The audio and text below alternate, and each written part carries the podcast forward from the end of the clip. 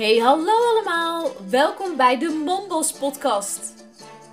De podcast voor de ondernemende moeder. Mijn naam is Caroline Venema, de Mombos motivator. En ik leer jou om zelfverzekerd te ondernemen en te groeien naar een winstgevend bedrijf. Omdat je ook als moeder nog heel ambitieus mag zijn. Veel luisterplezier! Hey, wat superleuk dat jij weer luistert naar een nieuwe podcast. En vandaag ga ik het hebben over hoe ik nou in drie weken een caravan heb gemanifesteerd. En ik kan je zeggen, het is niet zomaar een caravan, het is een vrij huge caravan. Dus het is echt wel een, ja, het voelt echt als een manifestatie. En om daar te komen, bij dat stuk dat we hem hebben in drie weken, moet ik even terug naar juni. Want in juni was ik heerlijk op vakantie met mijn man. En op een of andere manier is juni altijd de maand dat bij mij zeg maar een life change momenten komt. Uh, nou, luister anders voor mij drie podcasts terug, dan heb ik het daarover. Um, maar juni is dus elke keer ja, een heel transformerende maand voor mij. En dit keer ging ik ook op vakantie met. Ik ben benieuwd wat er dit jaar mij uh, ja, gaat gebeuren. En wat heel erg mooi is, is dat mijn man en ik hebben best wel een nou, pittige tijd samen achter de rug. We hebben best wel een, uh, nou, een moeilijk jaar, kan ik wel zeggen, uh, gehad. Waar, met heel wat ups en downs en ook echt met momenten waarvan wij dachten van ja, uh, moeten we nog wel verder. En toch hebben we elke keer dat vlammetje wat we echt in ons hebben weer gevoeld en gedacht van we willen juist heel graag verder. En wat ik eigenlijk ben achtergekomen in juni is dat ik dus wel heel veel dromen heb voor mezelf en voor mijn bedrijf. Um, maar dat ik eigenlijk een beetje onze gezamenlijke dromen miste. En dat zorgt natuurlijk wel voor een bepaalde connectie als je die weer kan vinden bij elkaar. Dus wij hebben op vakantie, ja, kwamen we gewoon, uh, hebben een hele mooi gesprek gevoerd. En kwamen op een gegeven moment op het gesprek van, ja, wat voor dromen heb jij en wat voor dromen heb ik? En die individuele dromen die, die we allebei hebben, die zijn we zeg maar gaan samen vormen. En een van de dingen was dat mijn man zei van, goh, ik vind het zo fijn op vakantie. Ik zou dit elk weekend wel willen. Zo begon hij. En toen zeg ik, ja, maar dat kan toch? Um, en toen keken we elkaar aan. Ja, nou ja, dat zou in principe, is er natuurlijk een mogelijkheid voor. Als je bijvoorbeeld een seizoensplek neemt en je zet een caravan neer. Dan kun je dus elk weekend de zaakjes op vakantie. Dan kunnen we elk weekend ertussenuit. We merken gewoon in ons gezin dat als we thuis zijn, dan moeten wij altijd iets doen om het eigenlijk nog heel erg leuk in ons gezin te houden. Uh, we zijn allemaal een beetje heel snel overprikkeld, maar we hebben ook prikkels nodig. Dus dat is altijd een soort balans die we zoeken. En op een of andere manier konden we dat dus op de camping, uh, waar we eigenlijk al jaren naartoe gaan, de Beerse Bult in Omme. Daar konden wij dat heel erg vinden. De animatie waarin we dingen konden doen, maar ook weer de rust van het plekje waar we zaten in het bos. En ja, dat, dat was gewoon een hele lekkere balans. En daar gaan we dus lekker op. Dat, dat merken we elke keer daar. Dus we spraken uit, goh, hoe zou dat zijn als dat elk weekend zou kunnen? En daarin kwam dus ja, eigenlijk direct naar voren. Ja, mijn man zegt, ik zou wel een keer een caravan willen. Toen zei ik, oké, ja, ik heb vroeger altijd gekampeerd. En ja, ik moest eigenlijk heel erg wennen om weer aan dat idee van kamperen, zeg maar, ja, om daar weer in te stappen. Ik moet heel eerlijk zeggen, ik ben de laatste jaren wel een beetje een soort luxe poes geworden. Ik wil eigenlijk het liefst hotels, all-inclusive, uh, vijf sterren en als kan nog een stapje luxer. Dus dan is kamperen natuurlijk echt wel van een ander niveau.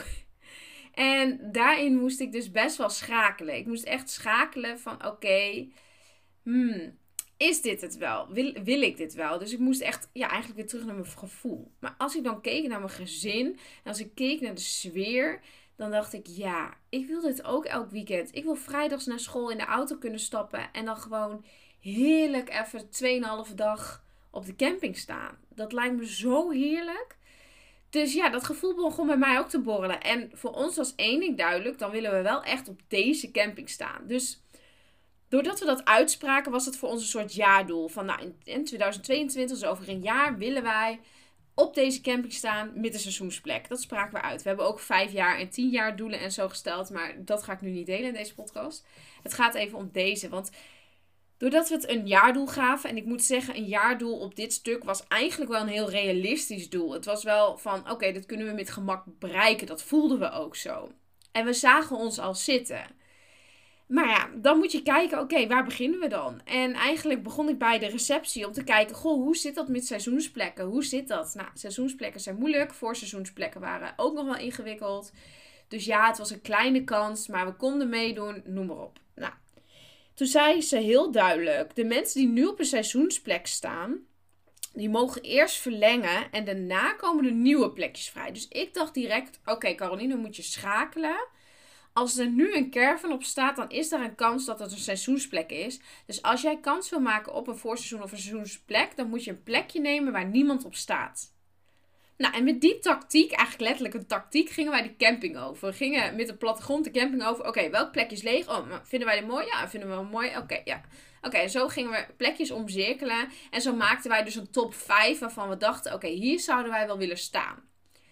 En toen vulden wij dat formulier van de camping in. En wat ik dacht, oké, omdat de kans zo klein is dat we dit krijgen, ga ik er een persoonlijke brief bij toevoegen. Dat voelde ik. Ik heb vanuit mijn hart geschreven.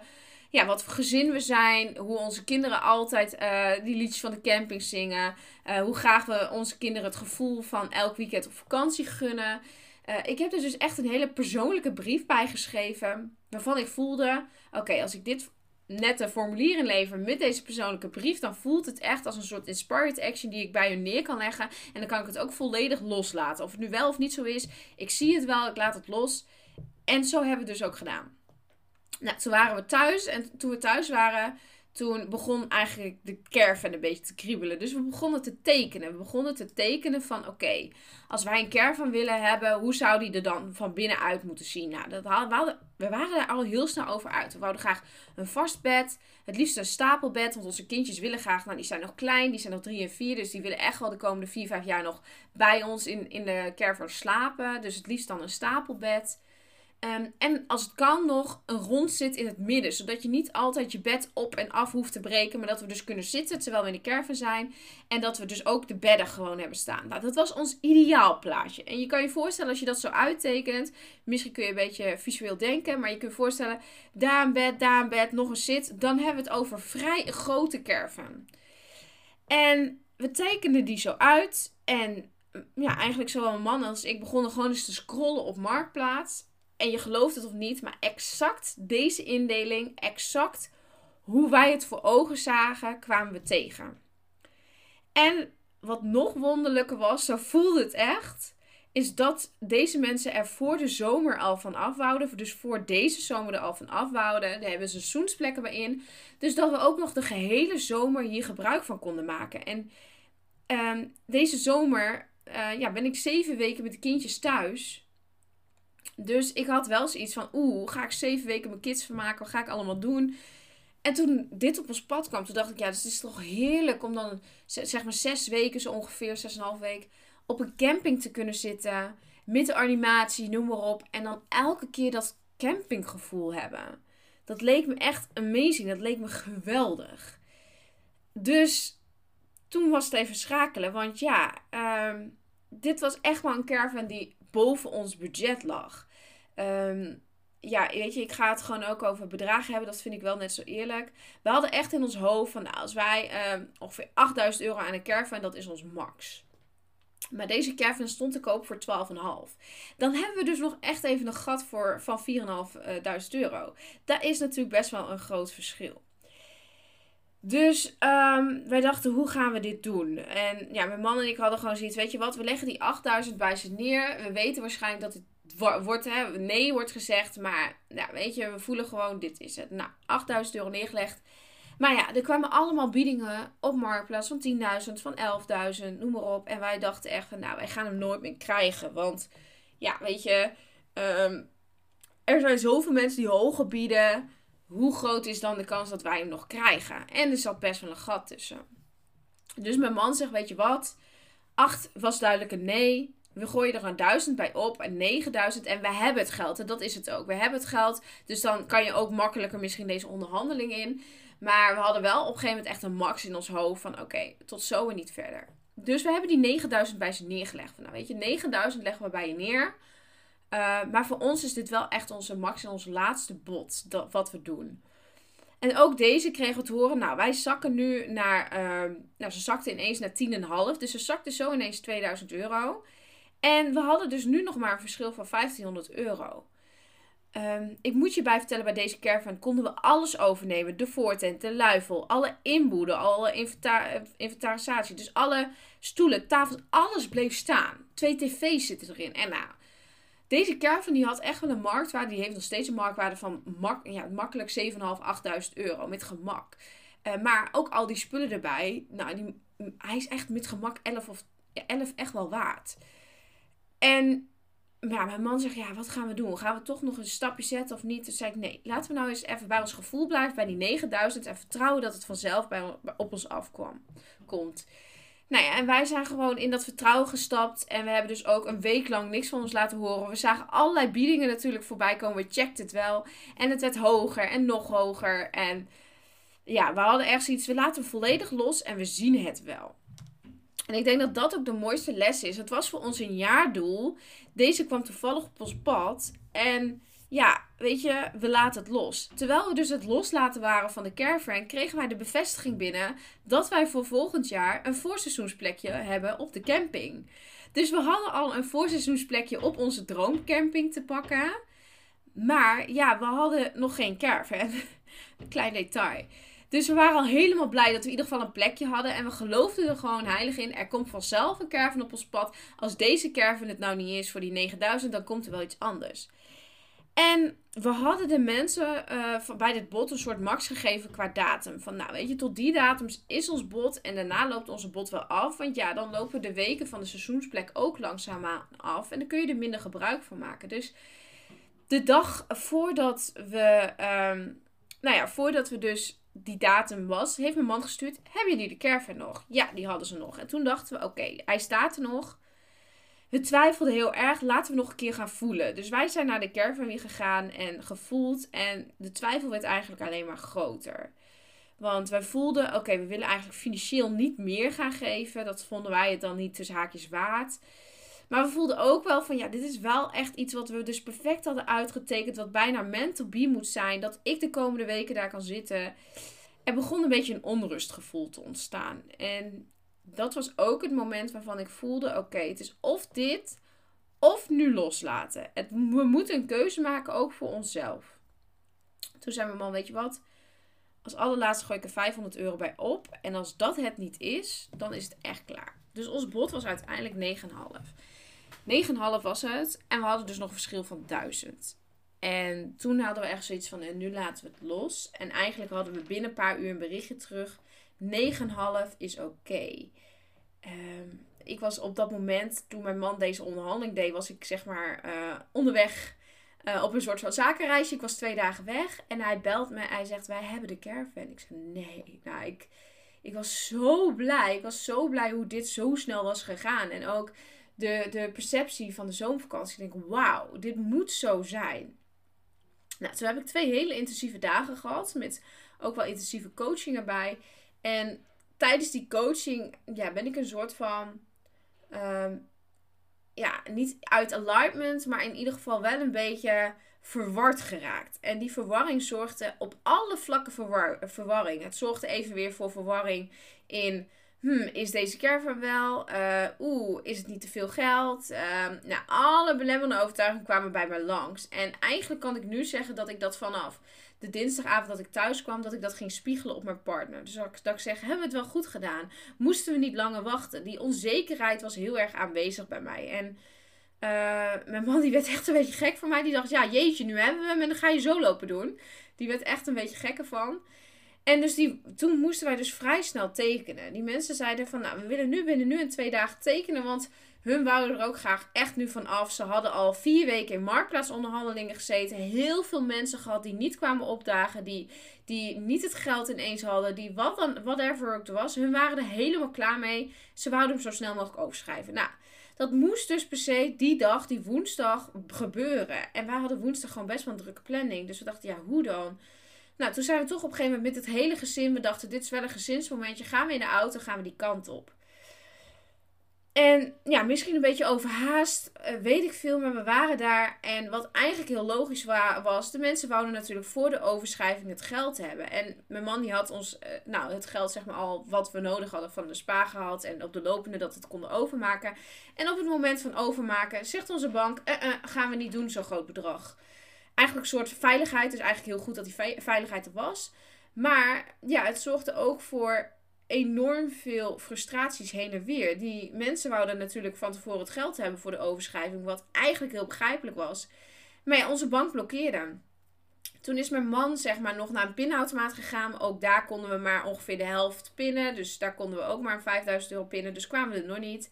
Toen heb ik nog aangeboden van, nou weet je, ik kan ook wel een paar duizend euro uit mijn zaak halen. Dan komen we zeg maar op ongeveer een 8000 euro. Nou, dan, dan hebben we het nog maar over 1500 euro wat we tekort komen. Uh, dan kunnen we dat s'avonds overmaken. Maar dat wouden ze allemaal niet. Het was voor hun heel hard. Of nu al het geld, of de koop gaat niet door. Daar sta je dan. Met je gezin, met twee kindjes. En letterlijk, je, eigenlijk kom je één kastje tekort. Dat kastje van je bank, die e-reader, die ervoor kan zorgen. Of e-reader zeg maar, die random reader heet dat, sorry. Uh, die identifier. Waarmee je dus dat geld direct over kan maken. Die waren we vergeten. Dat is natuurlijk dom van ons.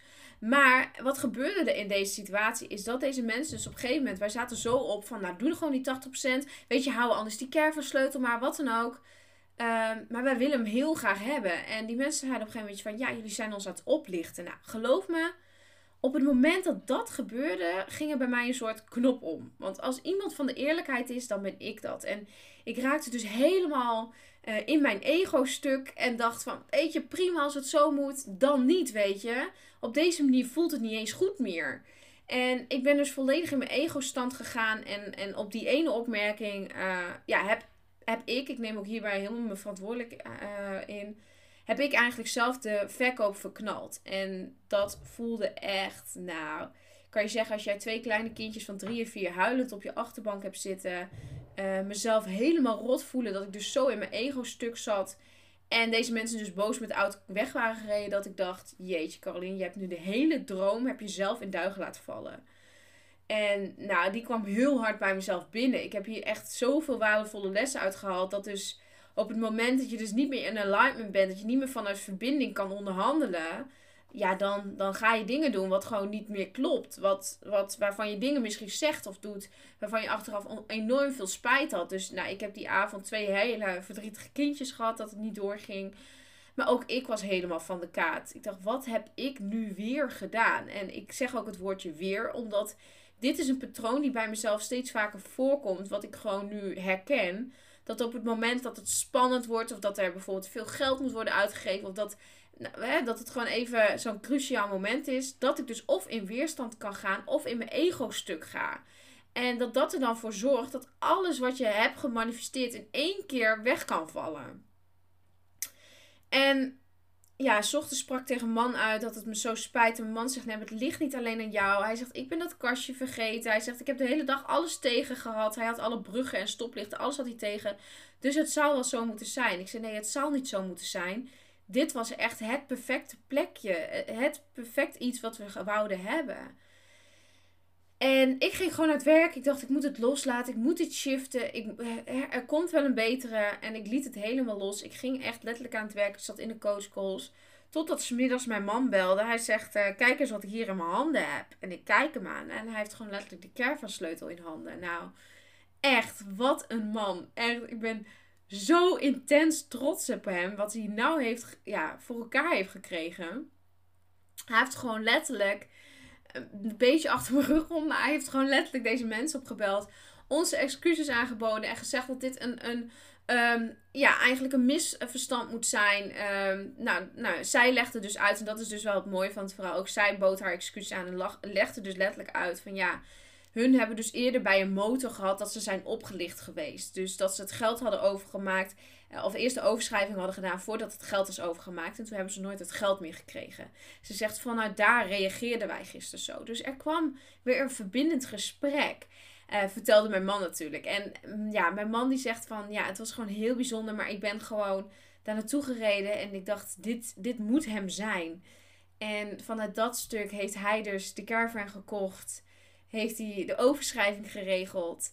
En ehm, ik had gezegd van nou, dit mag je zelf aan je kindjes vertellen. Dus ik heb champagne gekocht. Ik heb de kindjes gezegd, er komt een verrassing. Papa heeft een verrassing. Nou, en ja, toen hij vertelde dat de caravan er was, nou, het was echt onwerkelijk. Ze waren heel blij, maar ze konden het ook nog niet helemaal snappen en bevatten.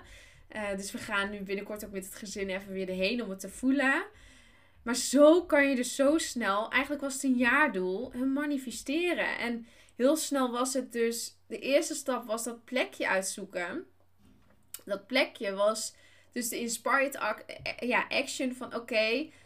en tactisch denk ik ook. Ik geloof heel erg in die combinatie. Dat het echt wel vanuit het gevoel, dus vanuit verbinding, maar ook vanuit strategie. Dus vanuit, oké, als al die plekjes bezet zijn, dan moet je plekjes nemen waar niemand op staat. Nou, dat heeft geholpen, want we hebben volgend jaar een plekje. Het is net zoals die caravan. Als je gewoon voor ogen ziet hoe je hem wil hebben, dus letterlijk uitgetekend, dan komt hij soms ineens op je pad. En dat kwam veel sneller dan ik doorhad. En ja, dat dit zo snel is gemanifesteerd, dat, dat is echt te bizar. Te bizar voor woorden dat dit kan. En ik wil je dit delen omdat ik je dus, ja, wat ik deed was dus de tijd eigenlijk loslaten. Want ja, we hadden het eigenlijk over een jaar staan. Maar dat was voor ons vrij realistisch. Dus ik zat er niet mee als het niet zo in die tijd kon hè, worden gemanifesteerd. Het was oké, het kwam goed. Ik vertrouwde erop. Dat is ook een mooie. Vertrouwen hebben dat het allemaal goed kwam. En wat denk ik ook een hele belangrijke les is, dat op het moment dat het dus niet goed gaat, dus bijvoorbeeld die deal wat dus niet goed ging, is weer eigenlijk voelen van, maar was ik wel in alignment? Was ik wel volledig afgestemd op ehm, hoe ik het voelde? Of was ik volledig in mijn ego-stuk? Nou, ik kan je zeggen, ik was tijdens die onderhandeling volledig in mijn ego-stuk.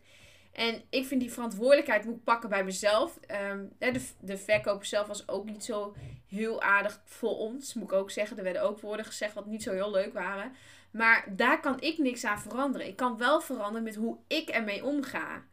Dus doordat ik er heel bewust van was van oké, maar ik zat in mijn ego-stuk en dat voelt niet goed. En dat kan ik gewoon nog herstellen. Nou ja, mijn man heeft dat natuurlijk vooral hersteld.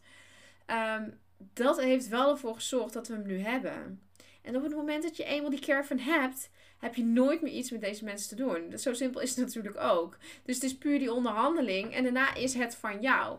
Dus ja, dat was ook wel een hele mooie. Dus ik ben benieuwd wat je van deze podcast vond, van deze manifestatie ja, vond. En ik daag je dus ook uit om voor jezelf jouw, jouw, ja, jouw wensen eigenlijk, hè, je doelen op te schrijven.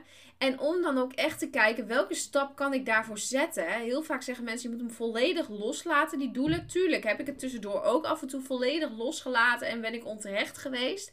Maar er zijn ook momenten geweest dat ik gewoon acties en stappen heb gezet. Ik geloof heel erg dat het een combinatie moet zijn. En als je dat hebt, dan ben je dus echt aan het, uh, aan het manifesteren. Dus laat me vooral weten. Het is echt een langere podcast. Normaal maak ik podcastjes van een kwartiertje, maar ik zie dat ik nu al over de 20 minuten ben. Maar ik ben echt aan één stuk volgens mij weten, wezen ratelen en je mee hebben genomen in dit verhaal. En ik hoop dat je dat heel erg tof vond. Dus laat vooral weten en eh, deel deze podcast op je story. Dan tag ik jou, eh, tag mij, dan deel ik jou. Um, en dan uh, hoop ik dat je volgende week weer bent bij een nieuwe podcast.